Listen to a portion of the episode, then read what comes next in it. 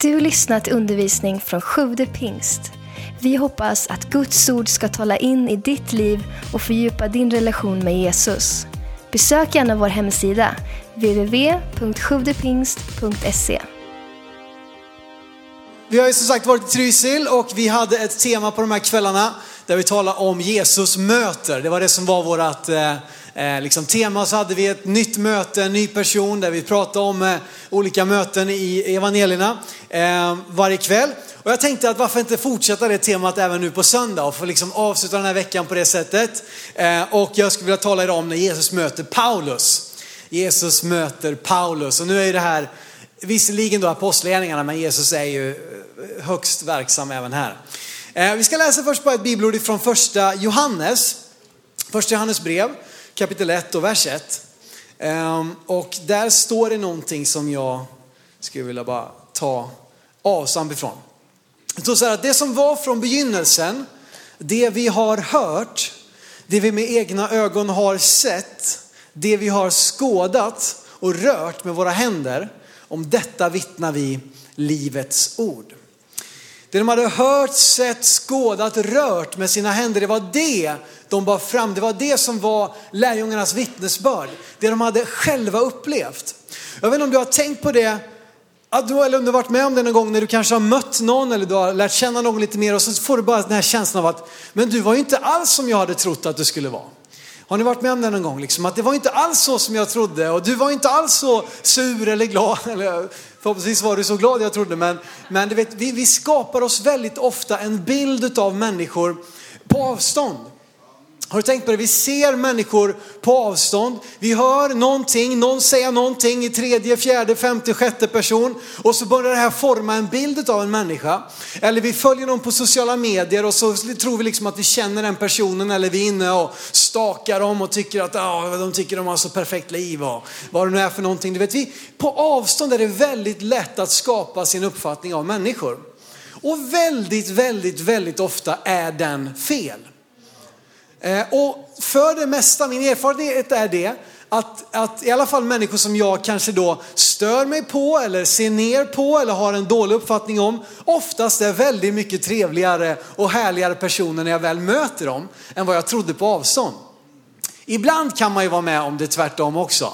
Man kanske har levt med någon bild av en person, inte minst kändisar tror jag vi kan måla upp liksom någon slags, eh, så här, vad, vad, heter det, någon slags helgongloria runt liksom. Och de är så fantastiska på alla sätt och vis. Och sen så kanske de inte var det riktigt på det sättet där vi har haft liksom orealistiska förväntningar. Men väldigt ofta tror jag också det är så i vår relation med Gud. Att vi har liksom en bild av honom som inte riktigt stämmer med vem han är därför att vi har bara bildat oss en uppfattning på avstånd. Jag vet inte vad det är, men under hela det här året, sedan nyåret, så har det liksom återkommit i alla mina predikningar på något sätt, liksom att få se Gud som den han är. Eh, och, och, och, jag vet inte varför, men jag insåg det när jag satt och läste mina anteckningar. Det här är ju typ samma grejer som jag pratade om för några veckor sedan och några veckor sedan innan det. Men kanske är det någonting Gud vill göra, han vill visa sig som den han är. Paulus var verkligen en sån som hade fått en helt felaktig bild av Gud. Eh, men tack och lov så fick han möta Jesus och fick en ny förändrad bild av vem han är. Och det mötet ska vi nu läsa om och vi ska utgå ifrån det här eh, eh bibelstället i Apostlagärningarna 9. Vi ska läsa de här 20 verserna som handlar just om Paulus första möte, eller Saulus som han då hette. Då ska vi ta oss några verser i taget igenom hela vägen fram till vers 20. Vi läser först därifrån eh, Apostlagärningarna 9, vers 1 och några verser framåt. Saulus, som fortfarande andades hot och mordlust mot Herrens lärjungar, gick till översteprästen och bad att få med sig brev till synagogorna i Damaskus. Om man kunde finna några som tillhörde vägen, män eller kvinnor, skulle han få fängsla dem och föra dem till Jerusalem. Här möter vi nu fanatiken Paulus. Han är en fanatiker. Eh, han älskar Gud, i alla fall tror han det, i alla fall vill han det. Och han är så ivrig att försvara Gud. Han är så ivrig att liksom få, få stå fast för, för, för, hans lära. Han har ägnat hela sitt liv åt att studera. Det står att han, att han lärde, växte upp då vid eh, Gamaliels fötter, på en, en, en, en väldigt lärd och respekterad rabbin. Och han hade liksom lärt sig ända från barnsben så han har blivit liksom indoktrinerad faktiskt på, på riktigt. Men kanske mycket positivt. Gud använder det till något gott sen. Han har verkligen ägnat hela sitt liv åt att studera, lära sig, förstå. Och nu så gör han allt han kan, allt i sin makt för att försvara den Gud som han tror att han tjänar. Han har gått så långt och vi läser om det, den här fanatiken, hur han liksom, han är med när Stefanus eh, stenas i Apostlagärningarna 7. Så står det att Paulus var en av dem som var i den, i liksom, de la sina mantlar vid hans fötter och sen stenade de Stefanus. Han var där. Han, han, han reste runt och det står att han gjorde allting för att förstöra församlingen. Han gjorde allting för att hindra de som gick på den vägen. Och det var den första benämningen på de kristna, de som tillhörde den vägen. Så att nu när han då får ett, ett eh, då kallas man inte kristna och så vidare, eh, utan de som var, eh, tillhörde den vägen. Och nu ska han inte nöja sig med att göra det här i Jerusalem, i Israel. Utan nu ska han, nu ska han bli missionär i att förfölja de som följer Jesus. Han ska gå, han ska gå till jordens yttersta gräns för att, för att stoppa, hindra, till fängsla, mörda. Han är fylld av mordlust står det här. Det är ingen trevlig atmosfär alltså att bära runt sig. Hans extrema religiösa iver hade blivit så farlig att den, den, liksom, den förstörde och det slog slint. Hans vilja att följa Gud. Och fanatism, det behö, jag vill säga, jag tror inte att fanatism måste vara dåligt. Man måste titta på vad bär min fanatism för frukt? Och om frukten är att människor fängslas, slås ner, mördas, då är det en dålig fanatism. Men om din fanatism leder till att människor får uppleva och möta Guds kärlek, om det leder till att människors magar blir mättade, om det leder till att människor som fryser blir påklädda, då är det en bra fanatism. Så du måste titta på, jag tror liksom inte att vi ska vara en ljummen och lite halvmesig, lite, lite så här mittemellan, mellan mjölklätt och lagom kyrka, där vi har liksom lite lagom passion för att följa Jesus. Nej, jag tror att vi behöver lite mer fanatism. Men den fanatismen får inte leda till, vad blir det för frukt utav den? Om frukten är det som syntes i Paulus liv, då är det någonting dåligt. Och nu är han på väg då till grannlandet Syrien, till Damaskus, 24 mil bort ifrån Jerusalem. Dit är han på väg för att fortsätta eh, liksom, eh, göra allt vad han kan. Men låt mig bara stanna till här lite grann återigen då vid, ibland kan man möta människor som de är så ivriga, de är så passionerade, de har så mycket så att säga, de, de är liksom, ja, de verkar vara sådana fantastiska kristna. Men på något sätt så den iven de bär på, den överlåtelsen, den passionen de bär på, det nästan får människor runt omkring sig bara känna sig sämre och sämre och sämre. Och då måste vi fråga oss själva, vad är det för gott med min fanatism och överlåtelse? Första Korinthierbrevet 13, här talar Paulus om kärleken och han säger just det här. Han säger det verkligen utifrån en egen upplevelse. Ifrån vers 3. Om jag delade ut allt vad jag ägde, om jag offrade min kropp till att brännas men inte hade kärlek så skulle jag ingenting vinna. Vi måste fråga oss själva, vad är det min fanatism leder till, vad är det för frukt den bär? Om det inte finns kärlek som motiv och som utlopp och som frukt utifrån din fanatism, ja men då är det någonting dåligt du behöver ändras på. Eh, och tack och lov så dömde inte Gud ut Paulus på grund av hans fanatism. Han såg att här finns en man som har en enorm förmåga att, att, att uträtta någonting. Men han behöver golvas, han behöver slås till marken, han behöver ödmjukas, han behöver få ett krossat hjärta. Så att han använder all den här iven, fanatismen, liksom glöden till någonting helt annat. Och det är det vi ser här när vi läser vidare ifrån vers 3 i Apostlagärningarna 9. Då står det då så här att, men när han på sin resa närmade sig Damaskus, har du en bibel kan du bara ha Apostlagärningarna 9 uppslaget resten av predikan här. När han på sin resa närmade sig Damaskus strålade plötsligt ett ljus från himlen omkring honom. Han föll till marken och hörde en röst som sa till honom, Saul, Saul, varför förföljer du mig? Då frågade han, vem är du, Herre? Rösten svarade, jag är Jesus, den du förföljer. Men res dig och gå in till staden så ska du få veta vad du måste göra. Männen som reste med honom stod där förstummade. De hörde ljudet men såg ingen. Saulus reste sig upp från marken och när han öppnade sina ögon kunde han inte se. Då tog de honom i handen och ledde honom in i Damaskus. Under tre dagar såg han ingenting och han varken åt eller drack. Han är på en ganska lång resa här. Det tar ungefär fyra till sex dagar och bege sig den här resan då med karavan från Jerusalem till Damaskus, 24 mil ungefär. Och mitt under den här resan så händer det som Paulus aldrig hade kunnat förvänta sig. Han möter Jesus och han får en helt förändrad bild eh, utav vem han är. Och det här är en väldigt, liksom, det är en väldigt kraftfullt möte. Eh, läser vi lite senare när Paulus återberättar den här berättelsen för att det här, blev, det här var ett, ett tillfälle, ett ögonblick som definierade resten av hans liv. Vi ser det gång på gång så återkommer han till den här upplevelsen och han berättar i Apostlagärningarna 26 att det var mitt på dagen som detta skedde och ljuset som lös ifrån himlen det överträffade solens ljus. Mitt på dagen i Mellanöstern. Jag vet inte om du har varit i Mellanöstern mitt på dagen, men jag har varit där faktiskt, eller i Israel, eh, och sett, det är starkt ljus. Här nu kommer ett ljussken som är starkare än solen och lyser på Paulus och slår honom till marken.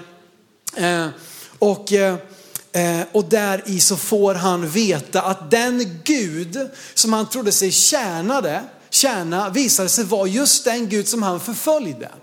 Det visade sig att den Messias som han hade vikt sitt liv åt att studera och följa och tjäna var just densamme som han hade vikt sitt liv åt att förfölja. Tänk vilken fullständig omvälvande upplevelse. Och även om vi inte andas modlust så tror jag vi behöver ödmjuka oss och fråga oss själva, den här, det här jag bär på, den här, liksom det här motiven jag bär på, den här viljan jag har, eller de här liksom, eh, dokt, lärorna jag går och bär på. Är det verkligen saker som handlar om den Jesus som jag säger mig tillhöra och älska och vilja följa? Här kan vi alla behöva ödmjuka oss även om vi inte är så extrema som Paulus. Ägnar vi allting kanske åt att motarbeta det nya som Gud gör? Här har det kommit en ny rörelse. Jesus, Messias har kommit efter hundratals år av väntan på att profetiorna skulle uppfyllas. Så har det skett mitt framför deras ögon. Men de kan inte, många av de religiösa judarna kan inte ta det till sig därför att de har en helt annan bild av hur det ska gå till. De har en helt annan uppfattning av hur det ska se ut. Och det visar sig att Gud kanske frågar oss ibland, hallå varför förföljer du mig? Varför motarbetar du det jag försöker göra? Vi måste ödmjuka oss i detta. Ja, inte minst vår församling född ur en sådan händelse. Vår församling grundades 1912.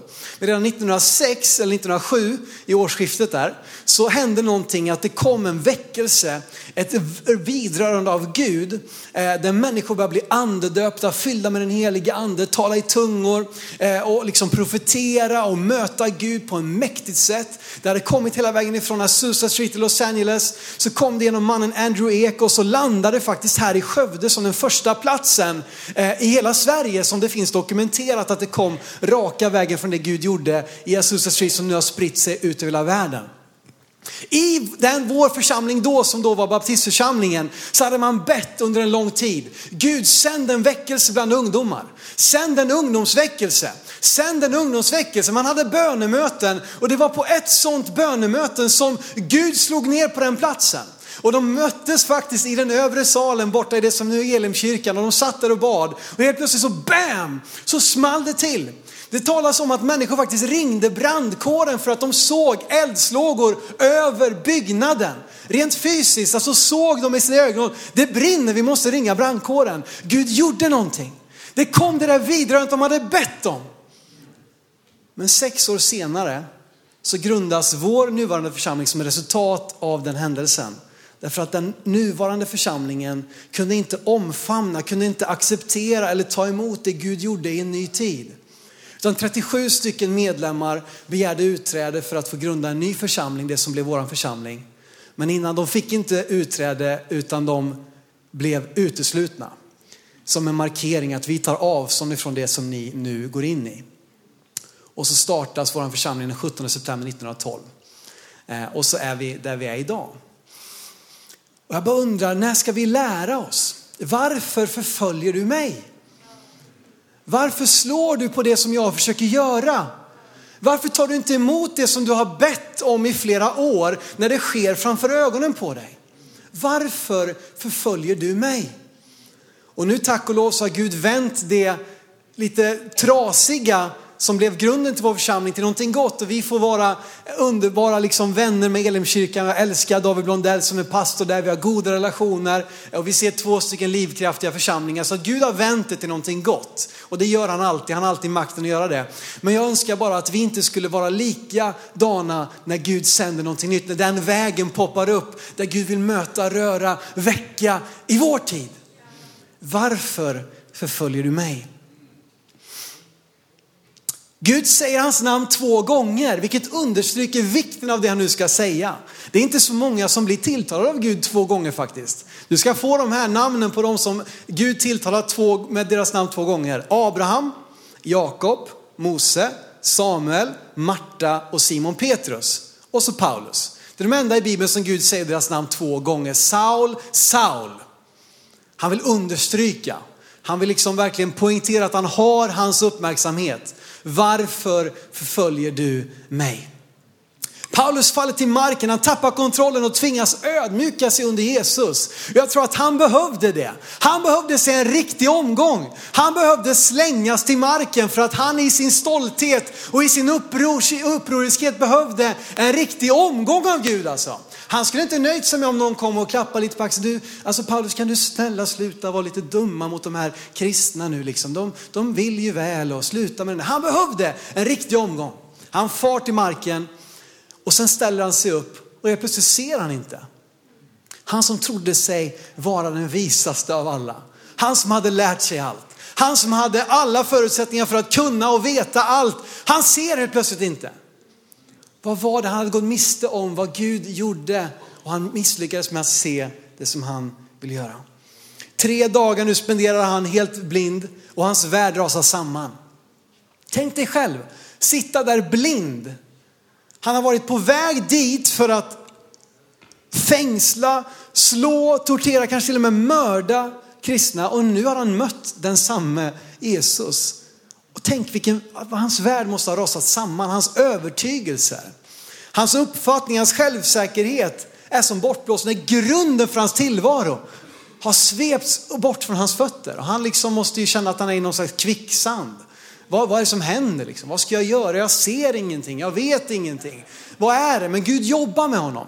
Gud jobbar ibland med dig och mig också. Vi kanske behöver också få oss en omgång och slå oss till marken och tappa synen en liten stund för att börja se att Gud kan börja ödmjuka oss på nytt så att vi på nytt blir beroende av honom och liksom öppna för vad han vill göra. Det är också en häftig grej här att andra hör men ser inte vad som sker. De hör rösten men de ser inte ljusskenet som var starkare än solen själv i Paulus ögon. Och det här lär oss någonting också, gudsmötet är personligt. Jag vet inte om du har varit någon gång i en gudstjänst, jag har varit det. Och liksom, man bara känner, alltså ska det aldrig ta slut? De fortsätter och fortsätter och fortsätter och han predikar så dåligt. Så jag kunde ha gjort det bättre själv i sömnen liksom. Be mig nästa gång så får ni i alla fall en, en trea av fem, inte en ett av fem. Och sen kommer man ut och så är det människor som nästan gråter för att de är så berörda och vidrörda av Guds ande. Eller man har stått i lovsång, likadant på andra hållet. Man har stått och man har bara varit så inför Gud. Och så kommer liksom människor bredvid, står och liksom zappar med mobilen och undrar liksom, vad är det här för någonting? Gudsmötet är personligt. Och här behöver vi ödmjuka oss att inte döma ut, bara för att inte jag upplever, att inte jag ser, kan jag ändå liksom glädjas över det som Gud gör i någon annans liv. Dels tror jag att vi behöver lära oss att söka Gud helhjärtat naturligtvis, så att han kan vidröra oss, ett mjukt hjärta. Gud vill ha ett mjukt hjärta, han vill inte ha liksom perfekta offer, men han vill ha ett mjukt hjärta. Och det kan vi jobba på i oss själva. Att komma inför honom liksom med hängivenhet och så vidare. Men jag tror också att vi måste lära oss ta del av vad Gud gör i andra människors liv. Av att, wow, jag fick inte med mig ett skvatt idag. Men hon, han, de de fick möta Gud. Wow, någon annan fick ett profetiskt budskap. Någon annan fick ta emot förbön. Någon annan tog emot Jesus i frälsningserbjudan. Och jag, även om jag har hört frälsningsbjudare tusentals gånger, så gläds jag över att någon annan fått möta Gud. Och jag kan ta del av vinsten. Och jag behöver inte bli en, liksom en, en missunnsam, besviken människa som tycker att varför är det aldrig jag som får de där starka tilltalen? Varför är det aldrig jag som får de där grejerna? Ja men gläds över någon annan, ta del av vinsten, ta del av segern att Gud har rört vid en annan människas hjärta. Och du kan få leva varje gudstjänst, varje dag och fira vad Gud gör. Kanske inte alltid i ditt liv, men i någon annans liv. Och vilket rikt liv det är att leva sitt liv och liksom ta del av vad Gud gör i så många andra människors liv. Vi läser vidare i vers 10. I Damaskus fanns en lärjunge som hette Ananias. Tala om så här, ni en syn Ananias? Han svarade, här är jag herre. Då sa Herren till honom, res dig och gå till raka gatan och fråga i Judas hus efter en som heter Saulus från Tarsus, för han ber. I en syn har han sett hur en man som heter Ananias kommer in och lägger händerna på honom så att han kan se igen. Ananias svarade, Herre, jag har hört av många hur mycket ont den mannen har gjort mot dina heliga i Jerusalem. Och nu är han här med fullmakt från översteprästerna att gripa alla som åkallar ditt namn. Men Herren sa till honom, gå. För han är mitt utvalda redskap för att bära fram mitt namn inför hedningar och kungar och Israels barn. Och jag själv ska visa honom hur mycket han måste lida för mitt namns skull. I Damaskus fanns en lärjunge. Vilken underbar början på en bibelvers. I Damaskus fanns en lärjunge. Tack Jesus för det. Tack Jesus för Ananias. Att inte Paulus sitter där blind i sin ensamhet liksom och förtvinar än idag. Därför att det fanns en lärjunge i Damaskus. Och vet du vad? Jag skulle önska att Gud skulle säga om oss, det fanns en lärjunge i Skövde. Det fanns en lärjunge i Södra Ryd. Det fanns en lärjunge i Lidköping. Det fanns en lärjunge till och med i Härja. Då har, vi, då har det gått långt alltså, men jag tror vi kan komma dit. Det fanns en lärjunge. Någon som Gud kunde använda för att möta denna vilsna, blinda, liksom, ja, Paulus. Och jag undrar hur många Saulusar eller Paulusar som finns runt omkring oss. Runt omkring oss, i din vardag, där du bor, i ditt område, på din arbetsplats, i din skola. Som är förvirrade, ensamma, vilsna i sitt sökande efter Gud. Jag tror det finns jättemånga. Frågan är bara om det finns några lärjungar i Damaskus. Frågan är om det finns några Ananiasar. Ananaser höll jag på att säga, men det var något annat. Människor som är blinda för sanningen, som de så förtvivlat gärna vill upptäcka. Jag tror att de är fler än vi tror. Och alla en, varenda en av dem behöver en Ananias. Apostlagärningarna 22.13 beskriver Ananias som en from man som älskade Gud och som var omtyckt av alla judarna i staden. Han var en helt vanlig kristen. Han var bara en man som älskade Gud, som var omtyckt av andra människor, som du och jag. Och jag tror att Gud vill använda dig till att bli en Ananias. Och du kanske inte är den som står där framme och gapar och härjar liksom på scenen. Men du kan vara som en Ananias en man som Gud, eller en kvinna som Gud kan använda och tala till när det finns en Saulus. När det finns en Paulus, någon som söker efter honom. Någon som helt precis har tagit emot Jesus i sitt liv. Någon som kommer i kontakt med oss och väl kan jag få prata med någon? Kan någon be för mig? Kan någon hjälpa mig? Jag behöver någons hjälp. Jag, jag längtar men jag vet inte vad jag ska ta mig till. Utifrån en plats av trygghet i din relation med Gud så vill Gud använda dig till att välsigna någon annan. Du vet all den erfarenhet du har samlat på dig, all bibelläsning, all bön, all undervisning, alla gudsupplevelser som du går och bär på. Och jag, alltså skulle, vi, skulle vi räkna upp all den samlade gudserfarenheten som finns i det här rummet så skulle vi få hålla på länge. Men frågan är om vi bara håller den för oss själva. Eller om vi kan vara likt Ananias. Som Gud kan tilltala, det räcker att han säger ditt namn en gång. Han behöver inte ropa Saulus, Saulus, kom hit nu. Det räcker att han bara säger Hör Johannes. Ja, här är jag herre. eller Kenneth, eller Lovisa, eller Louise, eller Håkan, eller någon annan. Som han vill säga, du, jag har en människa här som du behöver finnas där för. Jag har en människa, det sitter en Paulus borta på raka gatan. Han behöver din hjälp. Hon behöver din hjälp, hon behöver din kärlek, hon behöver din förbön. Jag tror att Gud vill använda dig som en Ananias. Ananias, han kommer också med sina tvivel till Gud. Och jag gillar det. Att vi behöver liksom inte bara så här, fan, liksom helt blint följa. Han frågar faktiskt, men Gud, alltså jag har hört en del om den där Paulus, kommer ni ihåg? Han har hört en del om honom. Han har hört en hel del om honom faktiskt. Han förföljer, han gör grejer, han är dum, han är bla bla bla. Och Gud bara säger, gå, jag har utvalt honom. Exakt samma fanatism som han har använt för att förfölja ska han nu använda för att sprida mitt rike. Mina värderingar, min undervisning, bygga mitt rike längre än vad någon annan har gjort hittills. Och lägg märke till att Ananias, han ifrågasätter inte Gud, han tvivlar inte på Gud för att komma undan. För att liksom vara upprorisk. Han gör det helt enkelt därför att han vill veta. Han är ödmjuk inför Gud. Gud, hjälp mig förstå. Jag förstår inte nu vad det är du vill göra, men hjälp mig förstå. Och då får han ett fördjupat tilltal och sen står det att han gick. Och det ska vi läsa vidare just nu. Det fanns en lärjunge i Damaskus. Wow. Vers 17. Då gick Ananias och när han kom in i huset la han händerna på honom och sa Saul, min broder. Herren Jesus som visades för dig på vägen hit har sänt mig för att du ska kunna se igen och bli fylld av den helige ande. Genast var det som om fjäll föll från hans ögon.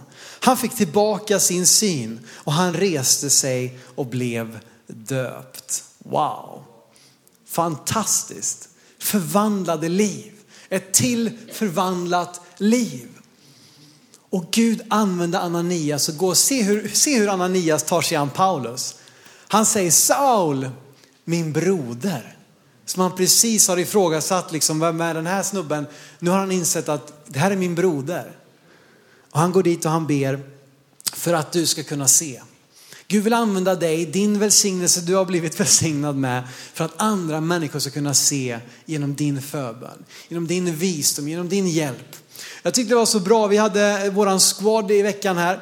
Och så jag tror att det är helt okej att jag nämner det här. Oskar som var med i min squad, han, han sa en sån bra grej så här med att det kan vara svårt ibland att förstå allting och veta hur man ska ta sig an och hur man ska förstå Bibeln och allting. Så här, men han bara, jag har skaffat mig en mentor. Jag, jag har bett någon liksom som har kommit lite längre att hjälpa mig. Jag, jag har själv tagit initiativet. Och han sa, det, det är så bra att ha någon som har gått lite längre som kan förklara och hjälpa. Alltså vi behöver en Ananias som har kommit lite längre. Vi behöver varandra. Så skaffa dig en mentor, kanske det var behållningen från den här predikan. Ananias ger det viktigaste först. Paulus han har inte ätit och druckit på tre dagar. Men det börjar inte med att de äter tillsammans. Det börjar med att han lägger händerna på honom, han blir fylld med den helige ande, han får sin syn och han blir döpt. Jag fick en sån fin liten dikt här, en broder ber, ett under sker. Den helige ande ger och Ananias döper. Det var, det var, inte, det var lite så nödrim här liksom klockan eh, halv tolv på julafton när man måste komma på någonting här. Men i alla fall, det hände någonting här alltså. Det var någon som bad, det var något under som skedde. Den helige ande blev ut, han blev uppfylld av den helige ande och han blev döpt i, i, i vatten. Det här vittnar om vad Paulus resten av hans liv ska handla om. Att han ska vara en som likt Ananias. Tänk att genom en människas frälsning så blev hela medelhavsområdet omskakat.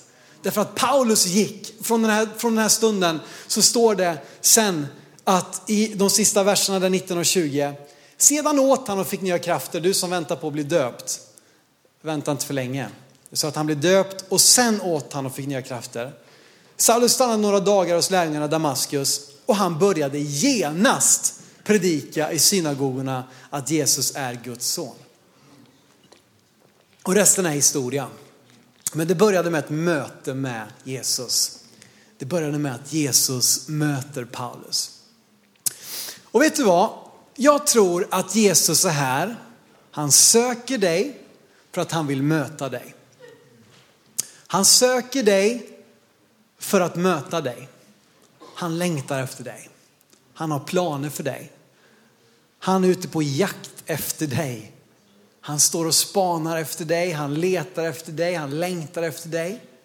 För att han vill möta dig. Inte för att han först och främst vill liksom eh, fånga dig när du har gjort fel. Utan för att han vill hjälpa dig in i sitt syfte, in i sina planer, in i sin liksom, välsignelse. Och när jag satt här bara innan och kikade på mina anteckningar så upplevde jag att Gud sa till mig faktiskt, det är inte alltid det är så, men jag upplever faktiskt att det finns tre kategorier människor här inne. Kanske inte alla passar in på någon av dem, men ändå att det finns tre personer eller tre kategorier människor som Gud vill möta i det här mötet. Som han söker, han har sökt dig kanske under en tid. Men nu är han också här för att möta dig. Jag hoppas att han ska få hitta dig ikväll. Att du öppnar ditt hjärta för vad han vill göra i ditt liv. Tre kategorier människor. Jag tror att du finns här som ännu inte har vänt om, som likt Paulus är vilse. Som likt Paulus kanske har försökt, men du har liksom inte ödmjukats inför Gud eller tagit ställning att börja följa honom. Och inte minst kanske det är så att du väntar på att bli döpt. Att du ännu inte har tagit det beslutet att bli döpt i vatten. Då tror jag det här är dagen för dig. Att fatta beslut att följa Jesus, likt Paulus fick möta honom så kan du få göra det den här förmiddagen. Men också kanske om det är dags nu att bestämma dig för att döpa dig. Vänta inte en dag till. Vänta kanske inte ens till nästa mål mat. Paulus gjorde inte det när han väl fick chansen. Sen finns det en annan kategori människor här och det är du som är en Ananias.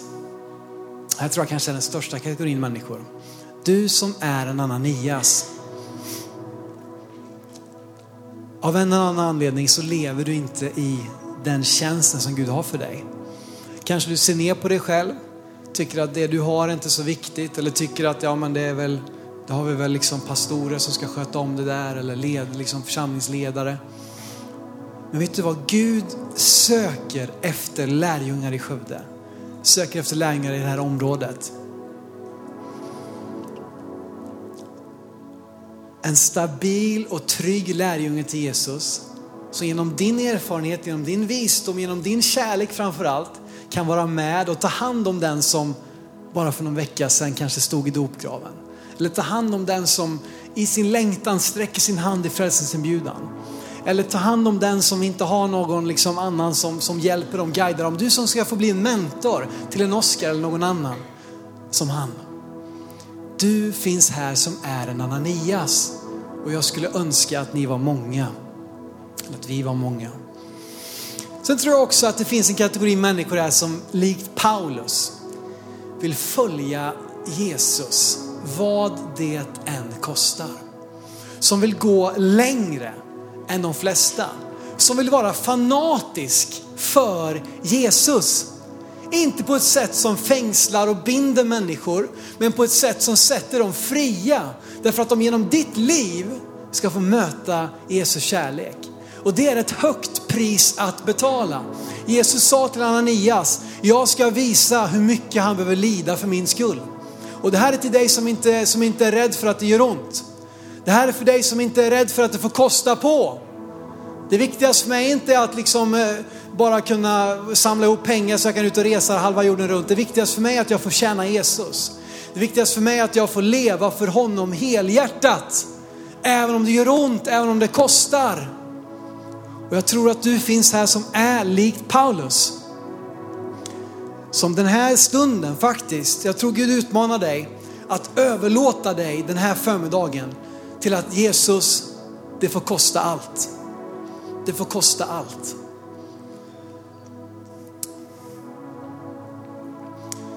Ska vi stå upp tillsammans hela den här kyrksalen. Jesus söker dig för att möta dig.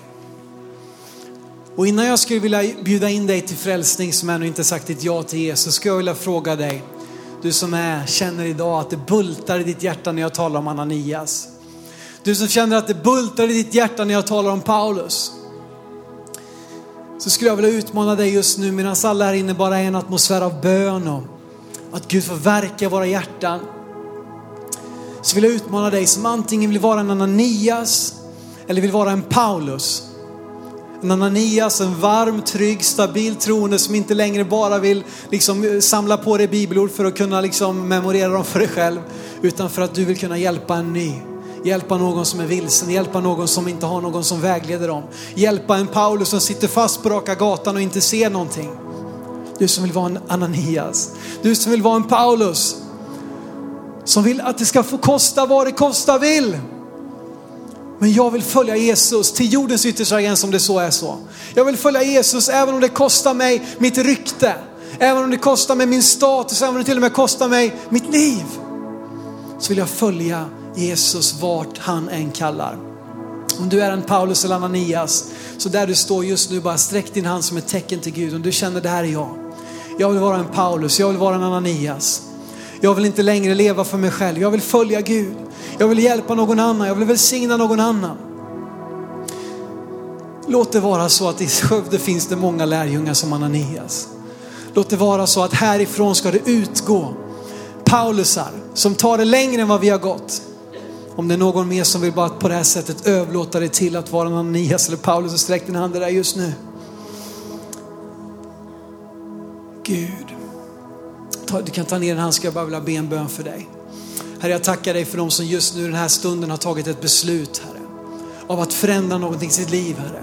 Av att vilja vara likt Ananias, vilja vara likt Paulus, Herre. Och jag tackar dig Gud för att det får vara ett, ett, ett, ett heligt beslut, Herre. Ett heligt, ett heligt eh, upp, upplevelse, ett helig stund just nu, Herre. Där du lägger ner någonting av kallelse i deras liv, Herre. Tack Gud för en förnyad, fördjupad kallelse att följa dig. Jag tackar dig Gud för Ananias, Jesus, som ska resas upp och ta hand om alla de människor som du söker. Ta hand om alla de människor som ska få ta emot dig den här, genom den här församlingen, Herre. Ananias som finns där, som är redo, bara du säger deras namn. Så är de redo att gå, de är redo att be, de är redo att trösta, de är redo att hjälpa, de är redo att vägleda. Jag tackar också för Paulusar. Tack Jesus att utifrån att det finns Ananias och utifrån att vi predikar ditt ord så ska det härifrån få utgå män och kvinnor som går längre än vad vi har gått hittills, som gör, betalar ett högre pris, som inte är rädda för att det får kosta, som inte är rädda för att det får göra ont, som vill gå med dig hela sitt liv i Jesu namn Herre. Tack för att du lyssnat. Glöm inte att du alltid är välkommen till vår kyrka. Du hittar mer info på www.sjuvdepingst.se